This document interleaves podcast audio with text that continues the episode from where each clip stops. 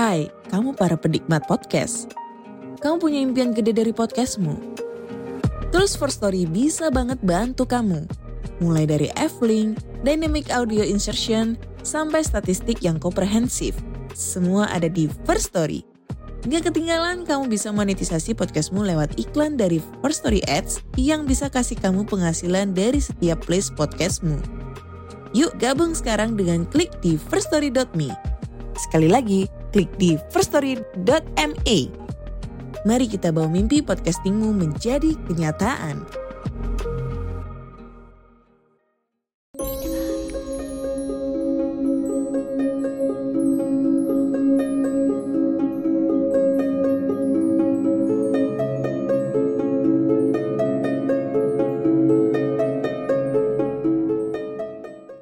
Selamat malam dan selamat datang. Saya Denny, narator dari Rumah Horor Indonesia, menjumpai kalian kembali untuk menceritakan sebuah cerita horor untuk menghibur kalian. Dan cerita kita pada malam hari ini berjudul Disiksa Jin Pesugihan. Begini cerita lengkapnya. Seorang laki-laki tua kurus berpakaian compang-camping dan bertampang dekil terlihat senyum-senyum sendiri di sudut pasar dekat tempat pembuangan sampah. Setiap orang yang melihatnya pasti sudah menduga kalau lelaki itu orang gila alias tidak waras. Dugaan itu memang tidak salah, tapi siapa sangka bahwa laki-laki yang berpenampilan kotor dan lusuh itu dulunya bekas orang kaya dan pejabat kepala desa di daerah setempat. Penulis baru mengetahui hal itu setelah mendengarkan cerita dari pemilik warung makan tempat penulis kebetulan mampir. Dari penuturan Pak Diman, si pemilik warung, terkuaklah kisah tragedi memilukan yang dialami oleh Suryo, nama lelaki tak waras itu. Ternyata penyebab Suryo mengalami sakit jiwa tak lain adalah ulahnya sendiri. Disebutkan dia bersekutu dengan iblis untuk mendapatkan kekayaan dan jabatan. Suryo sangat serakah dan tamat. Dia tidak puas dengan apa yang sudah didapatkannya. Dia ingin mendapatkan yang lebih dan lebih banyak lagi. Akhirnya dia termakan oleh ambisinya sendiri. Kehidupannya menjadi hancur menderita, miskin, dan akhirnya gila. Begitulah keadaannya sekarang. Pak Diman menuturkan. Bagaimana ceritanya sampai dia bisa bersekutu dengan iblis, Pak? Tanya penulis ingin tahu lebih jauh lagi. Ceritanya panjang. Tepatnya dimulai sejak dia masih muda, kira-kira 35 tahun yang silam. Selanjutnya Pak Diman menceritakan riwayat hidup Suryo yang kelam itu. Demikian kisahnya. Saat itu usia Suryo masih sekitar 20 tahunan. Sebagai pemuda desa yang hidup miskin, Suryo diliputi keminderan. Dia jadi kurang pede dalam pergaulan, apalagi wajahnya tergolong tidak tampan, hanya pas-pasan. Namun, cinta memang tak pandang bulu. Cinta memang tak pernah mengenal kasta. Tanpa sepengetahuan siapa pun, diam-diam Suryo menyimpan perasaan itu pada Yati, gadis cantik yang tinggal satu kampung dengannya. Tak tahan memendam perasaan, Suryo nekat menyampaikan hasrat hatinya kepada si gadis idaman. Sayangnya, cinta Suryo ditolak mentah-mentah oleh Yati. Bahkan secara terang-terangan Yati mencemooh dan mengejek Suryo. Cahit dan tidak mau berkaca. Siapa yang mau sama sampean? Muka kayak monyet gitu. Demikian ujar Yati menghina. Hati Suryo jadi terluka karenanya. Dengan menyimpan perasaan dendam, dia lalu pergi ke seorang dukun untuk meminta bantuan gaib. Dia meminta ajian pengasihan dari sang dukun agar bisa memelet Yati. Si dukun rupanya tak keberatan membantunya. Singkat cerita, dengan hanya bermodalkan selembar rambut milik Yati yang diambil Suryo secara diam-diam sebagai media pelet. Akhirnya Yati berhasil ditaklukkan. Gadis yang pernah menghinanya itu datang ke rumahnya dan merengek-rengek minta dinikahi. Yati sungguh jatuh cinta setengah mati pada Suryo. Kejadian yang sangat aneh ini sempat membuat keluarga Yati sedih. Meski mereka tahu Yati seperti terkena guna-guna, namun mereka tak bisa berbuat apa-apa karena aji pelet yang dilancarkan Suryo tergolong tingkat tinggi. Meski mereka sudah mencari orang pintar untuk mengobati Yati, namun selalu saja gagal untuk memendung aib yang lebih besar lagi. Keluarga Yati akhirnya merestui perkawinan Yati dengan Suryo. Namun meski mengizinkan Suryo menikahi anaknya, orang tua Yati memberikan sebuah syarat yang harus dipenuhi Suryo. Syarat itu adalah Suryo harus bisa memberikan kehidupan yang lebih baik. Mereka tidak mau Yati hidup miskin dan menderita seperti keluarga Suryo. Kalau sampai anakku ditelantarkan dan hidup dalam kemiskinan, maka aku tak segan menceraikan kalian. Aku akan ambil anakku kembali. Demikianlah ancaman ayah Yati. Suryo menyanggupi permintaan mertuanya. Walau sebenarnya cukup berat untuk dipenuhi, bagaimana tidak berat dengan status pengangguran dan orang tuanya yang miskin Mungkinkah dia bisa memberikan kehidupan yang layak bagi istrinya? Untuk makan sehari-hari saja Suryo masih tergantung pada orang tuanya yang hanya bermata pencaharian petani. Akhirnya tak ada jalan lain yang bisa ditempuh kecuali mendatangi dukun. Ya setelah sukses memelet Yati, tampaknya Suryo ketagihan ingin mengatasi kesulitan hidupnya dengan jalan mistik. Kali ini dia ingin mendapatkan kekayaan dalam waktu relatif singkat. Dia sering mendengar tentang ritual pesugihan yang bisa membuat orang kaya mendadak, walau harus menempuh resiko tidak ringan. Suryo akan menempuh jalan itu.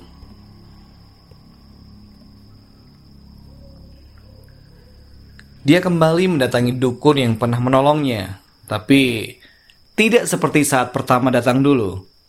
Kali ini sang dukun sempat memperingatkannya. Maaf nak Suryo, bukannya aku tidak ingin membantumu. Tapi hal ini mengandung resiko yang berat.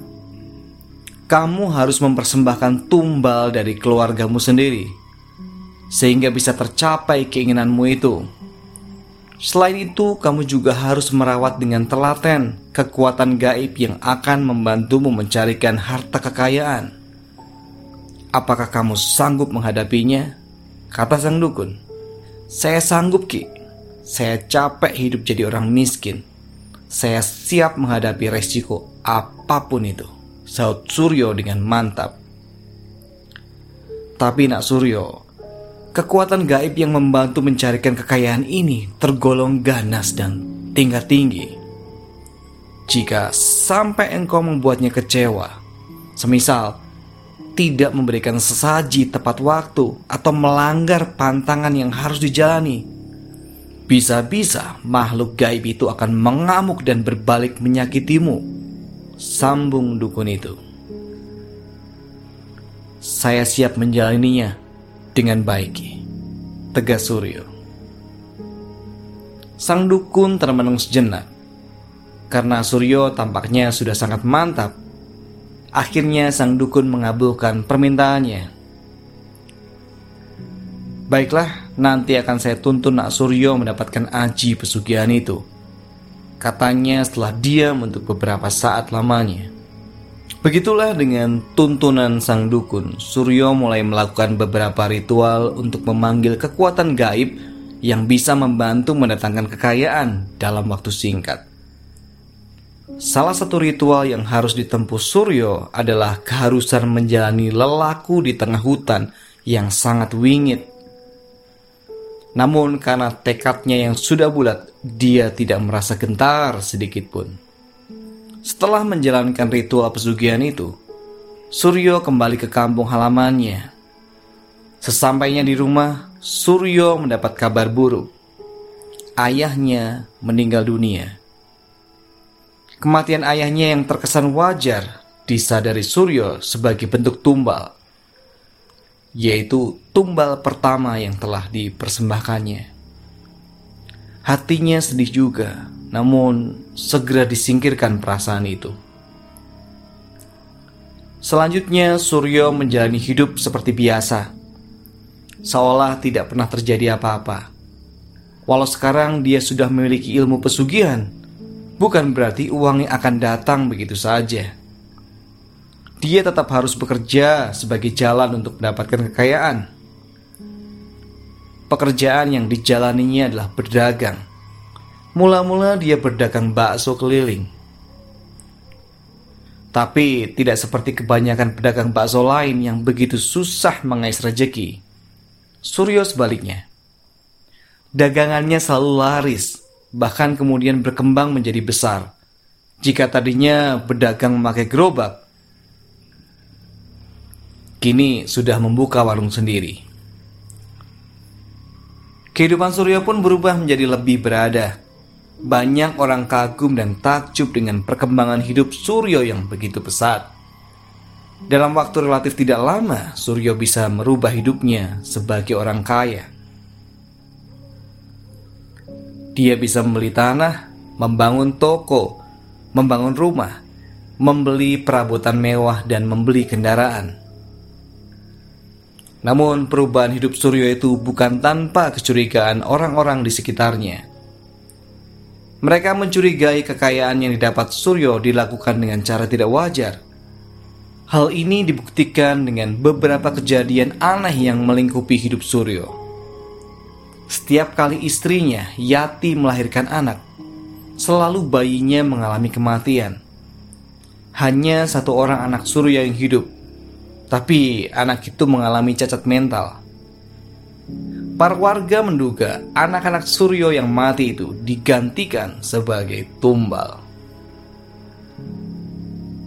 Untuk menghilangkan kecurigaan orang-orang, Suryo kemudian mengambil anak orang lain untuk dijadikan anak angkat. Biasanya bayi orang miskin yang tidak kuat membayar biaya persalinan. Anak-anak itu ditampung di rumahnya dia menjanjikan akan merawat dan menyekolahkan mereka hingga dewasa. Ada tiga orang anak angkat yang diasuh oleh Suryo. Karena mereka tidak mengalami nasib naas seperti anak kandung Suryo, dugaan menumbalkan anak pun akhirnya sirna. Namun kecurigaan masyarakat tidak hilang. Beberapa dari mereka ada yang memergoki Suryo melarung saji di sebuah sungai ada juga yang memergoki makhluk halus besar hitam di belakang rumah Suryo. Mereka mengira makhluk halus itu sebagai peliharaan Suryo. Sayangnya tidak ada seorang pun yang berani mengusiknya. Sementara itu Suryo yang telah hidup mapan dengan memiliki banyak usaha, mulai dari pertokoan, armada angkutan, perdagangan hasil bumi dan tanah perkebunan yang cukup luas – merasa tidak puas dengan apa yang sudah dimilikinya. Setelah kekayaan didapat, kini ada lahan lain yang ingin dinikmatinya, yaitu kedudukan sebagai pejabat. Kebetulan di desa tempat tinggalnya ada pencalonan kepala desa. Suryo ikut mencalonkan diri. Dengan mengandalkan kekayaannya, sebenarnya dia bisa membeli suara warga namun Suryo masih kurang percaya diri. Dia tidak ingin kalah dari calon lain, apalagi dia menyadari hanya berpendidikan SMP. Dia takut kalah dari calon-calon lain yang berpendidikan tinggi. Akhirnya dia kembali mencari jalan pintas dengan menemui dukun andalannya. Tetapi sekali lagi sang dukun sempat menghalangi keinginannya itu. Buat apa lagi kamu menjagokan diri menjadi kepala desa, Nak Suryo? Bukankah dengan kehidupan sekarang kamu sudah cukup mapan dan senang? Gaji kepala desa tidak ada seujung kukunya dari penghasilanmu sebagai pengusaha. Cetus sang dukun. Aku bukannya mengejar kekayaan lagi, Ki. Aku menginginkan kedudukan terhormat di tengah masyarakat. Dengan menjadi kepala desa, aku akan semakin disegani dan dihormati. Jadi, tolonglah aku ya Ki, desak Suryo. Tapi aku khawatir kamu tidak bisa merawatnya dengan baik nak. Untuk merawat kekuatan gaib ilmu pesugihan saja, kamu sudah cukup repot. Bagaimana nanti kalau ditambah kekuatan gaib lain yang digunakan untuk mengangkat derajatmu sebagai pejabat kepala desa? Apakah kamu sanggup? Tanya sang dukun. Aku sanggup Ki. Jawab Suryo mantap. Karena Suryo terus memaksa, akhirnya sang dukun mengabulkan. Memang tampaknya Suryo sudah dikuasai ambisinya dia sangat tamak dan rakus. Dia ingin mendapatkan semuanya. Setelah mendapatkan istri yang cantik, kekayaan. Kini giliran jabatan. Setelah melakukan ritual dan laku untuk beberapa saat, akhirnya Suryo berhasil mendapatkan apa yang diimpikan. Tidak seperti kekuatan gaib untuk mendatangkan kekayaan. Kekuatan gaib yang membantu meraih jabatan ini tidak membutuhkan tumbal apa-apa. Hanya saja Suryo harus rajin memberi sesaji dan merawatnya Karena kekuatan gaib ini cukup kuat dan ganas. Saat dilangsungkan pilkades, Suryo berhasil menang dengan angka mutlak. Kini dia bisa menduduki tempat terhormat sebagai orang nomor satu di desanya Suryo bisa menikmati kekayaan sebagai orang kaya, terhormat, dan memiliki jabatan bergengsi tidak ada orang seberuntung Suryo. Namun kehidupan tidak selamanya berlangsung lancar. Kehidupan yang dijalani Suryo akhirnya berbalik 180 derajat. Ya mungkin karena terlalu terlena dibuai kenikmatan duniawi, Suryo menjadi lalai. Dia tak lagi memperhatikan kekuatan gaib yang menjadi backing utamanya. Dia lupa melakukan ritual memberi saji Bahkan ada beberapa pantangan yang sempat dilanggarnya. Suatu hari Suryo mendadak jatuh sakit, tapi anehnya sakit yang dideritanya tidak bisa terdeteksi oleh diagnosa dokter.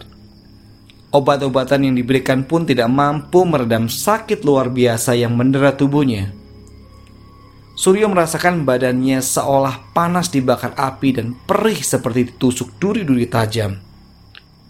Mungkin itulah bentuk siksaan dari kekuatan gaib yang marah padanya. Sementara di sisi lain, kedok Suryo yang telah menggunakan ilmu pesugihan diketahui masyarakat. Hal ini bermula ketika salah satu anak angkatnya kedapatan mati secara tidak wajar. Orang-orang mendapati di dalam salah satu ruang di rumah Suryo terdapat aneka macam uborampe yang biasa digunakan untuk acara sesembahan roh halus. Tak pelak lagi, hal ini menimbulkan kemarahan masyarakat. Mereka merusak rumah Suryo, sementara Suryo sendiri mengungsi ke tempat lain. Kejatuhan Suryo tinggal menunggu waktu. Satu persatu usahanya bangkrut dan hartanya habis karena digunakan untuk pengobati penyakitnya. Malangnya Yati, istri yang tiba-tiba tersadar dari pengaruh pelet kembali kepada orang tuanya dan menuntut cerai. Sementara anak-anak angkat Suryo kembali ke keluarganya mereka masing-masing. Mereka ngeri setelah mengetahui Suryo bersekutu dengan setan untuk mendapatkan kekayaan. Akhirnya Suryo jatuh miskin dan hidupnya terlunta-lunta. Dia kehilangan jabatannya sebagai kepala desa karena sudah tidak bisa menjalankan tugasnya dengan baik. Dia juga kehilangan seluruh harta kekayaannya. Untunglah ada seorang kiai berilmu yang menolongnya melepaskan siksaan jin peliharaannya. Tapi sayang kesembuhan Suryo tidak berlangsung 100%. Dia berubah menjadi tidak waras alias edan. Ya mungkin itu adalah sebuah karma atau balasan atas perbuatannya bersekutu dengan setan. Begitulah kisah yang dialami Suryo. Semoga kejadian nyata ini dapat memberikan pelajaran berharga pada kita semua.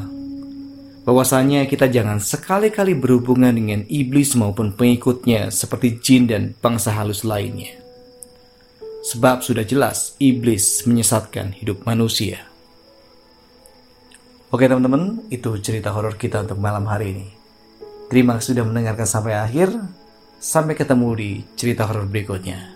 Tapi sebelumnya jangan lupa subscribe ke channel ini dan juga follow kita di Spotify untuk podcast Rumah Horor Indonesia. Selamat malam, selamat beristirahat.